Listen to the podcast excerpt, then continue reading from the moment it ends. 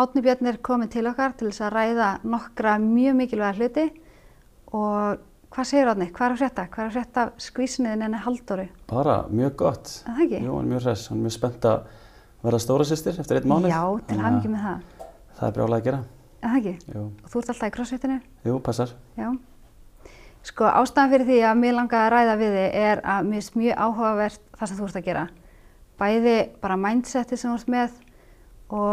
mér finnst mjög sem sem magnað það sem ég hef lesið eftir þig því að verandi sjálf mamma langagra batna þá eru mömmunar alltaf svona pínu háværi. Mm Um, ekki það við ætlum okkur það en ég held persónlega að þið séu svona pínu hrættari við að segja bara nákvæmlega hvernig ykkur líður -hmm. því að það er alltaf verið að dæma, þú veist, kallmennskan og allt þetta og ég er ótrúlega stolt að þér hvað þú bara segir hlutan eins og þér eru, hvernig þið líður og ég held að fólk megi bara almennt taka þetta fyrirmyndar. Já, gaman að heyra. Hvernig hérna, af hverju ákastu að, að hérna, vera svolítið svona bara hávar með þetta?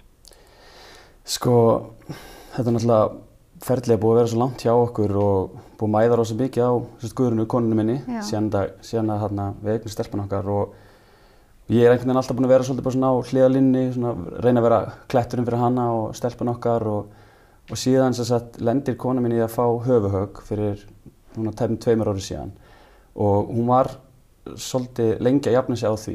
Og þá þurfti ég svona aðeins að taka svona boltaðin eiginlega þannig séð og svona aðeins að stíga upp. Og þá fann ég bara fyrir því hvernig að ég þurfti einhvern veginn að fá einhvers konar útrás eða bara að ræða við einhvern.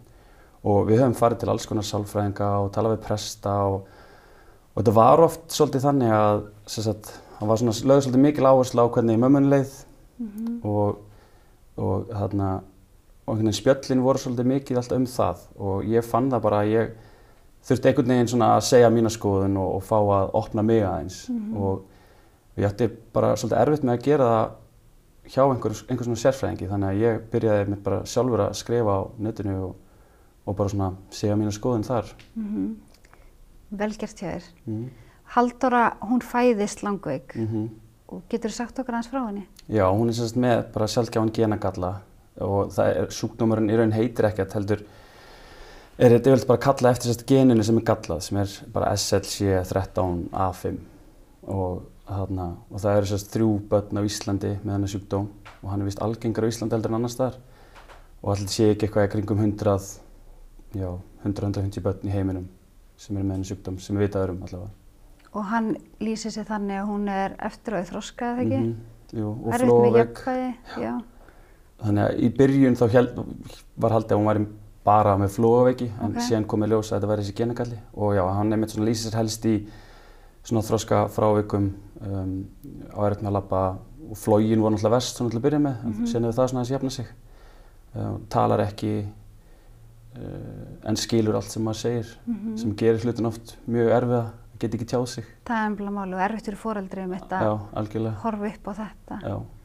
En þið voru öðru barni Mm og hvernig var ferli, nú er þetta genagalli sem kemur frá þér og Guðrúnu sem Mhm. að kemur svo yfir í Halldóru. Hver eru líkurnar á að næsta barn hefði getið orðið? Það voru sérst 25% líkur á að næsta barn hefði geta verið með sama sjúkdóm og, og það var til þess að við sagt ákváðum að fara í teknifrjókun Mm -hmm.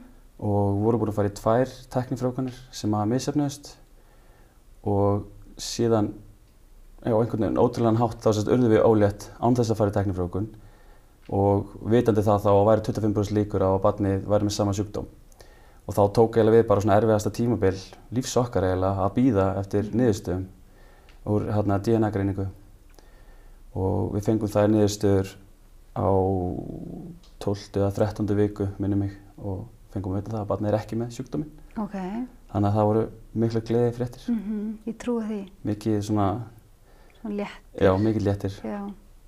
En hvernig er tilfinningin þegar þið fengu að vita það að þetta er genagalli? mm Hvernig, hvernig leið þér að heyra það? Uh, eiginlega bara svolítið svona uh, kom okkur mjög mikið óvart. Veginn, þetta er eitthvað sem maður gerir bara ekki ráð fyrir. Af því að nú erum við bæði bara full frísk og heilbrigð og, og það er alveg ótrúlega litla líkur á að þess að í raun tveir einstaklingar sem eru með hennar sama genagalla hittist og eigi bann og, og það þess að síðan sjá, svona, kemur út hjá barninu Mm af því að það sést ekkert okkur. Nei. En fannst þér eitthvað tíma að þetta væri þér að kenna? Nei, aldrei. Aldrei. Þetta er bara eitthvað sem gerist. Mm Ég er ótrúlega ánað að heyra þið segja þetta. Já, það hefði aldrei neitt geta spáð þessu, þannig að það hefði ekkert verið að gera. Og öll meðgangan var eðlilega og allt leitt vel út, Mhm. Þannig að það var enginlega að vita. En er eitthvað sem þú getur ráðlagt pöppum, af því að nú eru þeir svolítið lokaðir oft, Mm er eitthvað sem þú getur ráðlagt þeim hvernig þeir geta svona aðeins fengið að tjá sig og án þess að finnast þeir vera dæmdir fyrir að vera eitthvað? Já, algjörlega. Eh, Náttúrulega lagi er bara að, að tala, að tala við einhvern, Mhm. hvort sem að sé þá einhvers konar sérfræðingur, sálfræðingur eða bara getur þessna bara verið einhver góða vinnur. Mhm. En líka ef menn vilja að alltaf að tala um mig, skrifa á netinu. Mér fannst mjög þægilegt að geta bara, spyrja bara bloggsíðu og Já, skrifa bara svolítið svona á mína hlið. einmitt. Og ég var ekkert viss fyrst hvort ég ætlaði eitthvað að gefa þetta út. Ég bara vantaði að fá smá útrás og skrifa og það var mjög þægilegt. Og ég er ekki búinn að skrifa mikið, ég er svona, er að gefa mér, þarf að gefa mér í tími það. Þannig að það er svona, bara segja hvernig þeim líður. einmitt. Það er ótrúlega mikilvægt. Ekki reyna að vera bara einhver klettur og halda öllu inni að þá bara springur þau á endanum. Mhm. Það er, það er bara þannig. Það er bara þannig. En svo ert þú líka mjög duglegur bara, og ég hef upplifað það sjálf náttúrulega, þú veist, og ég held að það sé bara flestir alveg óháð því hvort að þú sért í, með langveik börn eða bara almennt með börn að gefa þið tíma fyrir sjálfa þig. Mm Og ég man eftir þegar ég kom fyrst í crossfit-stöðina þína að ég dáðist svo að þér og Guðrúnu líka, þið vorum með barniðin á spítala og þið gáðu ykkur alltaf tíma til þess að sinna sjálfum ykkur að fara í ræktina -hmm. og ég hef alltaf dáðst að þessu og ég hef alltaf hugsað eftir þetta að ég ætla að gera það sama að því ég sá bara hvað það hjálpaði þér. Mhm. Hvernig, þú veist, ertu ennþá í dag að hugsa þetta svona? Já, 100%. Af því að það er bara nummer 1, 2 og 3 þá verða fóreldrarnir að vera heilsurhustir ef það er alltaf að sjá um þetta barn Mm og þannig að við setjum bara heilsuna okkar alveg í forgang, alltaf og eins og þú segir við þarna, það kom alveg tímar þar sem að stelpan okkar var kannski flóa köstum og við vorum upp á spítala og þá bara tókum við ákvörðunum að ég myndi fara á æfingu og svo kem ég tilbaka og Guðrún fara á æfingu þá voru hún að æfa handbalta og keppi Já, handbalta einmitt. þannig að ef að við erum ekki heilsurhaust þá getum við ekki hugsað um dóttir okkar Einmitt. þannig að það er alltaf nummer 1, 2 og 3 Og við verðum að rækta okkur Já, og þeir varst þetta hjálpa þér andlega líka. já, gífulega Já. og þetta var alltaf verið mín leið til að fá útrás það er að fara bara á æfingar og hlusta einhverja skemmtilega tónlist og bara lifta lóðum og Já. hugsa um eitthvað annað í smástund Akkurat. hjálpa mér alveg sjúklega mikið En fannst þér einhver tímar einhver halda utan um ykkur eins og þegar komið upp á spítalana, hefur einhver tímar verið spurt hvernig líður þér? Nei, í raun ekki. Nei. Þannig séð sko.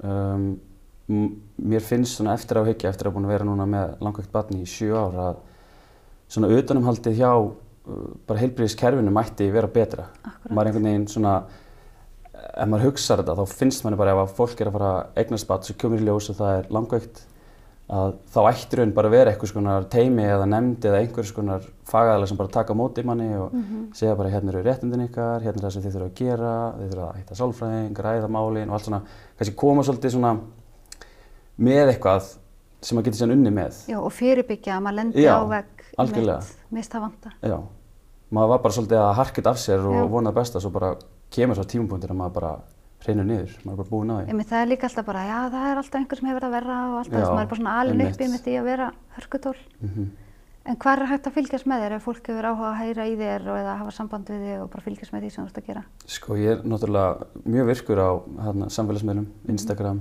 og Facebook, bara Arni Kristjánsson, sett mikið þar inn bara bæði af svona fjölskylduðu lífinu og Mhm. líka æfingum, þannig að um að gera, það er alltaf að hafa samband við mig á Facebook og Instagram. Og bloggsíða þín, Já, pappaspjall. Ekki. Já, Til hamingi með þetta og takk, fyrir að koma. Takk fyrir.